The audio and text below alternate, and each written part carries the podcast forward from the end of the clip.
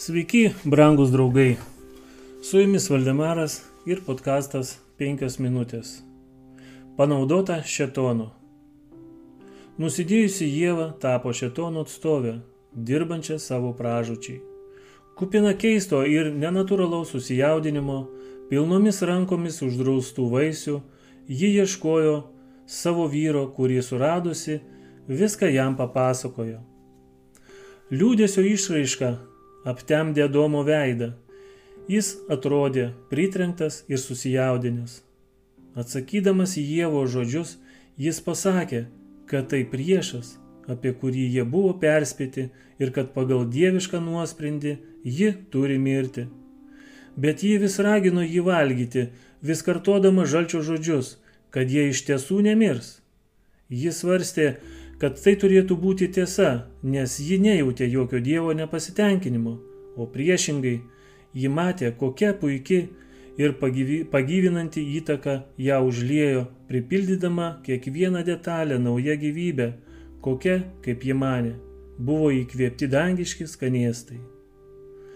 Adomas suprato, kad jo palidovė sulaužė Dievo įsakymą, nepaisydama vienintelio draudimo patikrinančio jų meilę ir ištikimybę. Jo protė vyko baisi kova, jis gailėjusi, kad leido Jėvai atsitraukti nuo jo. Tačiau tai jau buvo įvykę. Jis turi būti atskirtas nuo tos, kuri būdama šalia jam teikia džiaugsmą. Kaip dabar bus su juo? Adovas, Adomas mėgavosi bendravimu su Dievu ir jo šventais angelais. Jis žvelgia į kurėjo šlovę.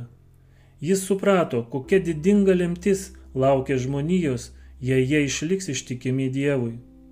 Tačiau visos šios palaimos nublanko prieš baimę prarasti tą dovaną, kuri jo akise pranoko bet ką. Meilė, pagarba, paklusnumas kuriejui - visa tai buvo nustelta meilės Dievui. Ji buvo jo dalis ir jis negalėjo susitaikyti su ta mintimi, kad jos neteks. Jis apsisprendė likti su ją, jei turės mirti, jis mirs su ją. O be to jis galvojo, kodėl išmintingojo žalčio žodžiai negalėtų būti tiesa.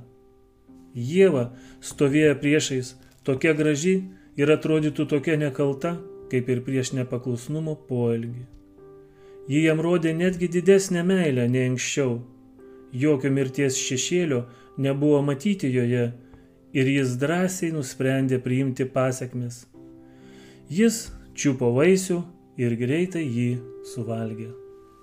Su jumis buvo Valdemaras ir podkastas 5 minutės.